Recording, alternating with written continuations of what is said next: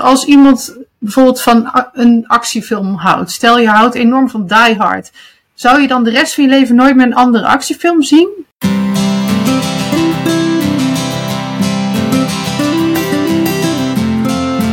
Hoi, welkom bij Schrijfpraat, de podcast. Wij zijn Emmy en Kim en in deze podcast praten wij over schrijven en over alles wat daarbij komt kijken.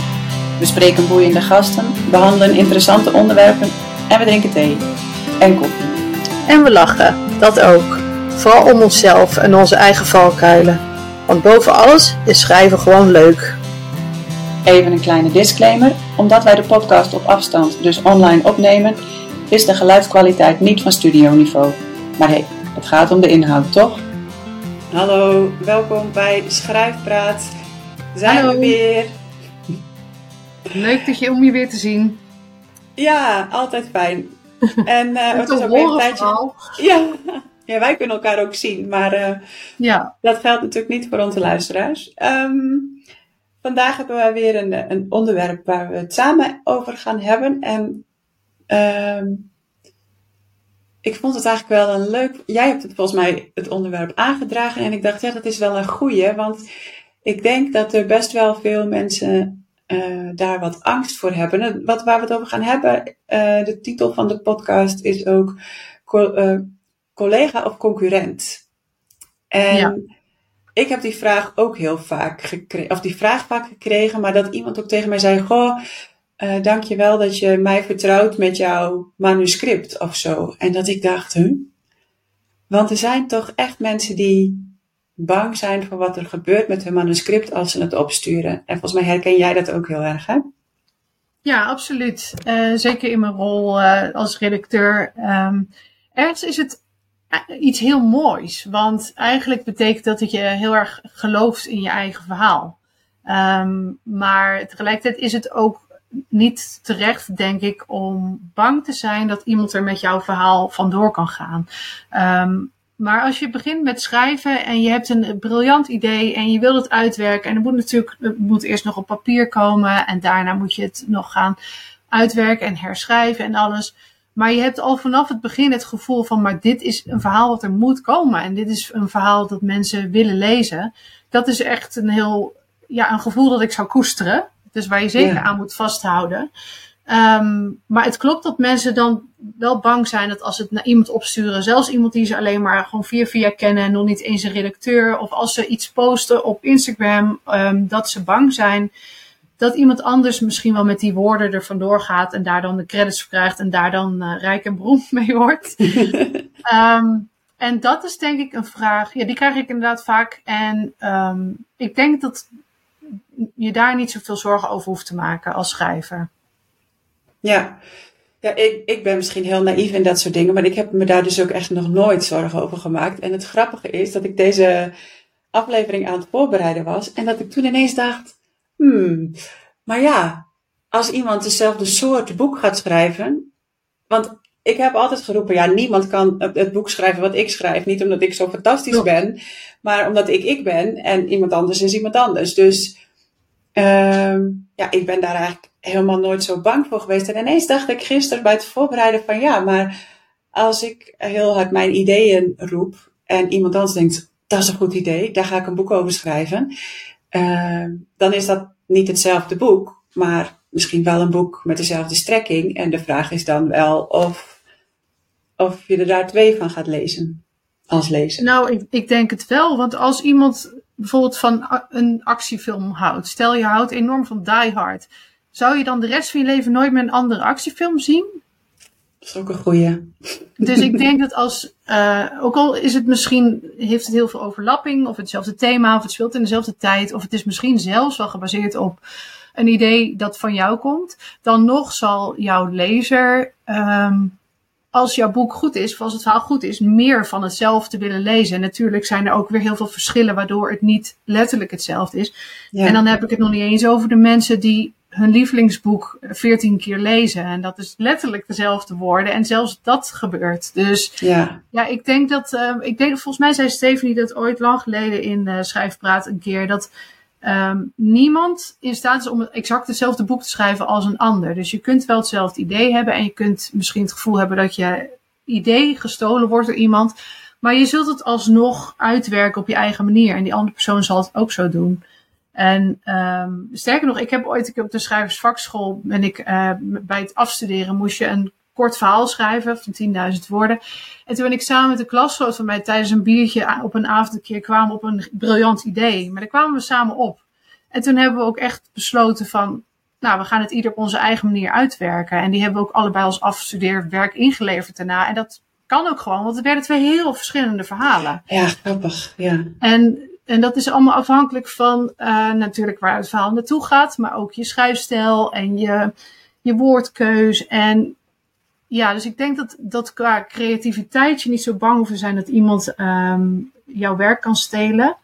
Nee. Maar er komt ook nog het aspect bij dat het in dit digitale tijdperk ook ja, wettelijk gezien bijna niet mogelijk is. Stel dat ik um, ergens een uh, mooie blog post en iemand anders denkt, oh ik vind dit zo'n leuk verhaal, ik ga het gewoon kopiëren en dan op mijn eigen blog zetten en diegene wordt daar helemaal beroemd mee.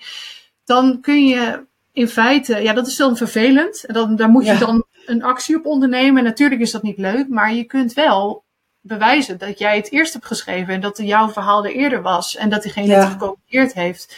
Dus alsnog um, ja, is het bijna niet mogelijk dat iemand jouw verhaal steelt en daar dan mee wegkomt. Nee, en denk je ook, uh, want ik, ik weet niet uh, waar mensen dan precies bang voor zijn, omdat ik dat zelf dus eigenlijk nooit heb, maar um, ik heb mijn, mijn manuscript ook opgestuurd naar vier uh, proeflezers. Toen heb ik wel, omdat ik dacht, misschien moet ik dat gewoon doen, in de mail erbij nog gezet van ik ga ervan uit dat, we hier, hè, dat jullie hier vertrouwelijk mee omgaan. Um, maar daar geldt denk ik ook een beetje hetzelfde. Dat wat jij net zegt, dat je kunt natuurlijk altijd bewijzen dat jij het naar hun hebt opgestuurd en dat jij het eerst al had. Um, maar denk je dat mensen daarom soms misschien ook bijvoorbeeld niet voor proeflezers kiezen, omdat ze bang zijn dat dat niet veilig nou ja, is? Ik, ik, ik weet het niet precies. Ik denk dat de proeflezers vooral heel, heel graag lezen. En uh, er zullen ook schrijvers tussen zitten. Maar als je een beetje hart voor het schrijversvak hebt, dan heb je toch ook helemaal geen behoefte aan om werk van iemand anders te jatten en daar dan je eigen naam onder te zetten. Volgens mij is waar de grootste energie om te schrijven vandaan komt, namelijk je je eigen verhaal wil vertellen, je eigen woorden uh, ergens wil zien staan. Ja. Dus er zullen vast wel mensen zijn die zichzelf schrijver noemen, die denken, ja, maar ik kan het eigenlijk niet, dus ik jat iets van iemand anders. Maar wat zit daar voor plezier in, denk ik dan? Dus ja. ik denk niet dat proeflezers dat doel heb, hebben. Die lezen dat niet met het idee van, oh, misschien kan ik dit dan wel zelf gebruiken en daarmee uh, beroemd worden. Maar die willen gewoon iets leuks lezen en jou daarmee helpen. Dus, ja, nee, dat denk ik ook zeker. En ook bij een uitgeverij zijn ook mensen die bang zijn. Als ik het naar de uitgeverij stuur, dan zien ze misschien wel hoe mooi mijn verhaal is, maar ik ben geen bekende naam. Dus dan geven ze mijn boek aan, uh, nou noemen ze een beroemde schrijver. Want dan kan die ermee, uh, ja, de woord op. Ook dat gebeurt niet. Want een uitgeverij die heeft of al schrijvers um, onder hun hoede die, die een bepaalde schrijfstijl hebben waar ze achter staan. Maar als ze iets in, zien in jouw manuscript, dan zien ze iets nieuws en iets unieks wat ze misschien wel ook willen hebben. En dan gaan ze dat niet aan iemand anders geven, maar dan zien ze iets in jou. Dus ook daarbij ja. zou ik niet bang zijn dat iemand er ermee vandoor gaat. Heb je wel eens verhalen gehoord over, over dat dit soort dingen wel echt gebeuren soms? Ik heb uh, in een ver verleden werkte ik in de journalistiek. En daar was het wel zo dat je inderdaad een artikel of iets, dat dat gewoon gestolen werd of, of vertaald werd uit een, van een andere krant een ander land. Um, maar qua creatief schrijven, boeken, nee, echt niet. Uh, misschien blogs, maar dan gaat het vooral om de blogs die ja, informatief zijn. Zoals de, de, de tien uh, manieren om je hond op te voeden of zo. En dat is niet, ja.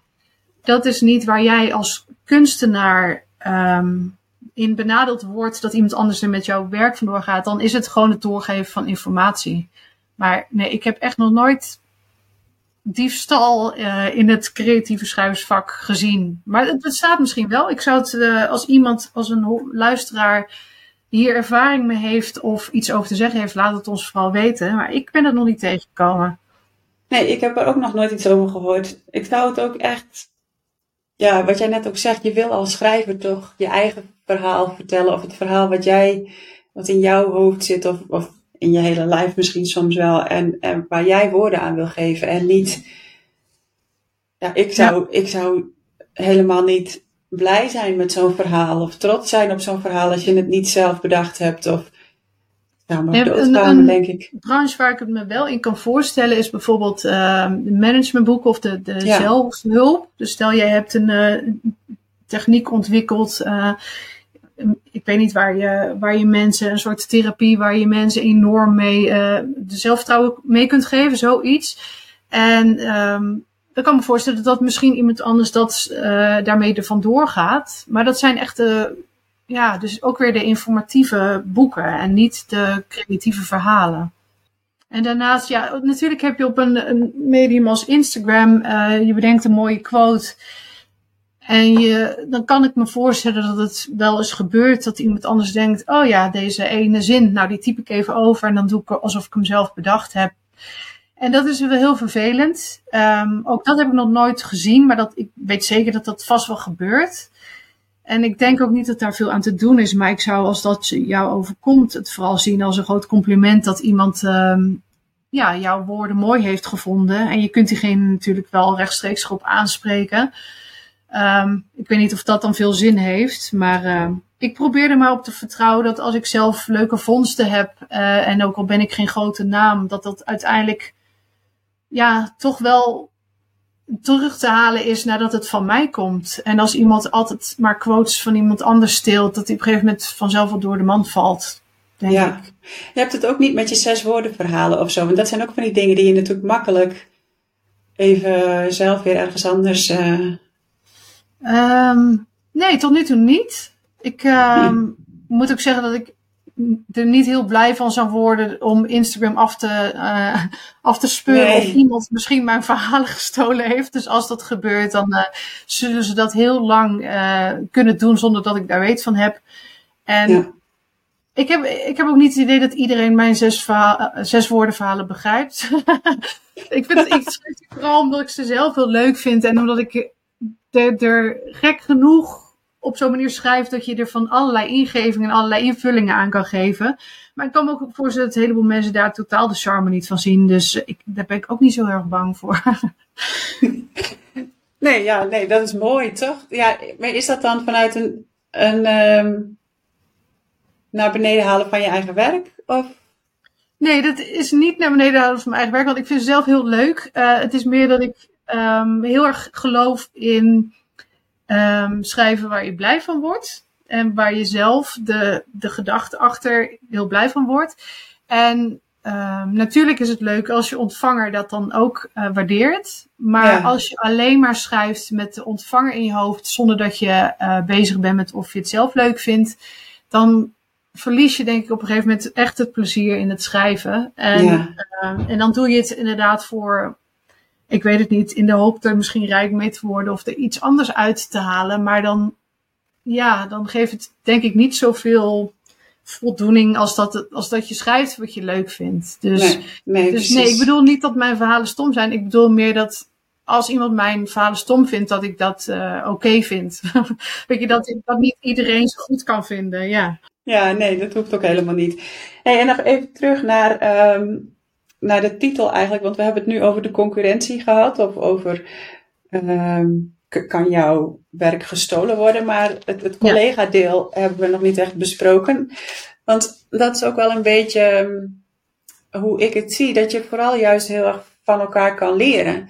Hè? Ja. Um, als ik een boek lees wat ik heel goed vind, dan ga ik vaak toch ook even kijken van, hé, hey, hoe komt het nou dat ik dit boek nou precies zo goed vind? Wat, wat doet deze schrijver? Um, waardoor het zo'n fijn boek is. Um, ja.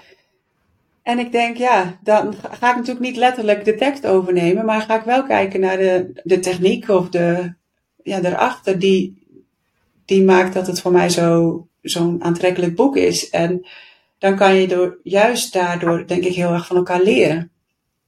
Ja, absoluut. En ik denk dat dit ook um, een onderwerp is waar we een hele aflevering aan kunnen wijden. Want het gaat meer over van hoe heb, hoezeer heb je het nodig om te lezen als je goed wilt schrijven? Nou, dat gaan we zeker nog een keer doen dan. Ja, zeker. Want dit is op zich qua concurrentie misschien een beetje inrichtingsverkeer. Want die andere schrijver, ik weet niet of die ook jouw werk leest en op die manier uh, het als, als inspiratie of concurrentie ziet. Um, dus, maar wat, wat ik wel qua concurrentie of collega zie, is dat ik inderdaad merk dat als ik samen met iemand schrijf. Um, weet je, bijvoorbeeld uh, Alle Monde, die heeft wel eens van die, van die challenges dat je met iemand samen gaat schrijven. En dan word je soms gekoppeld aan iemand die je nog niet kent of die uh, een totaal andere stijl heeft dan jij. En dat is echt enorme uitdaging om dan samen iets te maken. Maar en je leert iemand kennen en je, ja, dat is eigenlijk altijd heel ontwapenend. En tegelijkertijd word je geprikkeld om op een heel andere manier te schrijven dan dat je zelf doet. En dat vergroot jouw eigen schrijfkunde. Ja. Dus um, ik zie eigenlijk, ik zou geen enkele schrijver die op hetzelfde bekendheidsniveau als ik zit zien als concurrentie, maar meer van hoe meer je samenwerkt en hoe meer je van elkaar, um, ja, met elkaar erover praat, uh, hoe verder je zelf ook groeit als schrijver. Ja, ja, precies. Ja, want dat dacht ik inderdaad ook. Uh, laatst had, hè, had ik uh, uh, mijn manuscript was natuurlijk afgewezen met bepaalde feedback. En toen was er een collega die zei: Joh, ik wil wel even een keer met je sparren over je boek. En even kijken wat, wat ik erin zie. En ehm, ja, dan, dan, weet je, je hoeft niet altijd dan over te nemen wat iemand zegt, maar uh, het zet je vaak wel weer aan het denken. En dat is dan wel iets waar, waar je boek juist wel weer beter van kan worden, omdat je er goed over nadenkt. Ook al neem je het niet over, maar dat je dan wel je soms meer bewust bent van waarom je bepaalde keuzes maakt in je verhaal.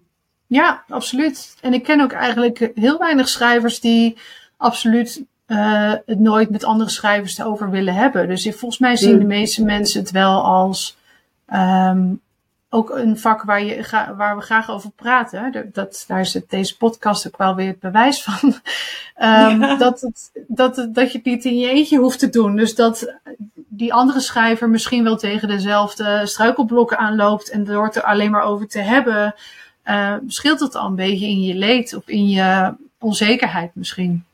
Ja, ja soms werkt het zelfs al als je eventjes uh, vertelt over je boek, dat je het jezelf hoort zeggen en dan ineens denkt, oh wacht, nu weet ik al waar het misgaat of nu weet ik ja. al hoe ik het anders moet doen. Of, en dan, dan hoeft het nog niet eens een collega schrijver te zijn natuurlijk, dat kan ook met de buurvrouw. Maar uh, ja, ja soms kunnen collega's juist wel de vragen stellen die je jezelf nog niet hebt gesteld en waardoor je wel weer even op een andere, nou, naar een vanuit een ander perspectief naar je eigen verhaal kijkt. Absoluut, ja. En uh, oh ja, wat we nog binnen over die, uh, nog even terug naar de, uitgeverij qua concurrentie en um, wat wou ik daar nou over zeggen? ja, oh ja, dat ik soms ook de vraag krijg van, um, ja, uh, ik heb een boek geschreven over, het speelt zich af in Zweden. Um, maar deze uitgever die heeft al net een boek dat zich afspeelt in Zweden. Dus is het dan niet, dat hebben ze dus al, dus is dat dan geen concurrent van mij?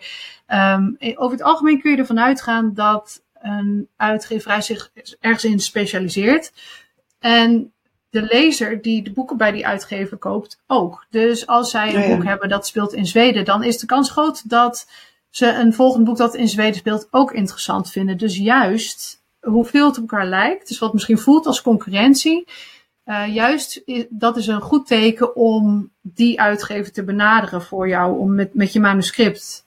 Ja. En um, ik heb toevallig zelf wel meegemaakt dat ik als afwijzing kreeg, we hebben net een boek gehad dat in Noorwegen speelt. Um, dus het kan wel, maar dan nog is dat denk ik ook meer een reden om gewoon te zeggen van we hebben op dit moment geen ruimte voor. Want in principe is, dan kom ik toch weer terug op wat we eerder bedachten. Weet je, ook al speelt het op eenzelfde plek, het is, zijn twee totaal verschillende boeken. En ja. um, zelfs al zou het in dezelfde tijd en met dezelfde mensen zijn, dan nog kun je die twee boeken gewoon naast elkaar lezen. Zonder dat je het gevoel hebt dat je in herhaling valt of je tijd aan het voldoen bent, denk ik. Ja. Ja, dat denk ik ook. En ik, ik moest ook even nadenken over wat jij net zei, over dat als je een bepaald boek goed vindt, dat je dan juist vaak meer van dat wil lezen. Zo werkt het natuurlijk ook als je een bepaalde schrijver, als je daar één boek van hebt gelezen en je vindt het goed, dan ga je ook niet nooit meer iets van die schrijver lezen. Dan ga je juist meer van die schrijver lezen. Ja, wat dat betreft zijn we toch ook wel een beetje gewoontedieren. Dat we, we denken allemaal wel dat we graag uh, nieuw en verfrissend en... Uh, maar tegelijkertijd willen we ook een beetje wat we al kennen. Dus als inderdaad, ja, ja, wat je zegt is een goed voorbeeld. Als je een bepaalde schrijver ontdekt die je fantastisch vindt, dan uh, is de kans heel groot dat je je best gaat doen om al het werk van diegene te lezen. Dus, uh... Ja, en, en lezen heb ik dat heel sterk inderdaad. Dat ik, ja, ik hou natuurlijk van historische romans. En ik riep altijd heel hard dat ik niet zo van de fantasy was. Totdat uh, ik steeds meer uh, contact kreeg met andere schrijvers, waaronder een schrijfster die ook fantasy schrijft. En toen, ging, toen dacht ik, nou ja, dan moet ik dat toch, toch maar eens gaan lezen. En dan, toen dacht ik, ja, waarom heb ik dit nooit eerder gelezen? Want dit vind ik wel leuk. En dat betekent denk ik misschien niet dat ik alle fantasy leuk vind, maar uh, ja, dat hoeft ook niet. Ik vind ook niet alle historische romans leuk. Nee, en dat komt, wordt denk ik ook meer bepaald door de schrijfstijl en uh, de ontwikkelingen dan de setting. Dat, een, uh, dat er een elfje is met een draak die liefdesverdriet heeft. Um, of uh, een meisje in de middeleeuwen dat in de tijden van de pest liefdesverdriet heeft. Is allebei liefdesverdriet. En het gaat ervan ja. om hoe het gebracht wordt aan jou. Of het je aanspreekt of niet. Dus al kan me voorstellen dat, dat, dat in sommige fantasy... Um, gaat het eerst uh, drie hoofdstukken lang over de boom en het gras en uh, de, de, hele wereld. En dat, moet dan ja. ook even doorheen komen. Dus het is ook uh, ja, alles met mate, denk ik. Maar, ja. ja, maar dat is, dat is ook zo. En soms is het goed om even iets nieuws te proberen. En het is ook prima als je gewoon lekker blijft bij, bij wat je al kent en wat je, waarvan je weet dat je het leuk vindt. Ja, um, ik zou in ieder geval je zou het zonde vinden als iemand denkt: oh, dat genre dat uh, is niet mijn smaak, dus dat ga ik nooit meer lezen. Omdat er altijd wel, ja, nogmaals, het gaat meer volgens mij om de stijl, de manier waarop het verhaal gebracht wordt, dan de setting.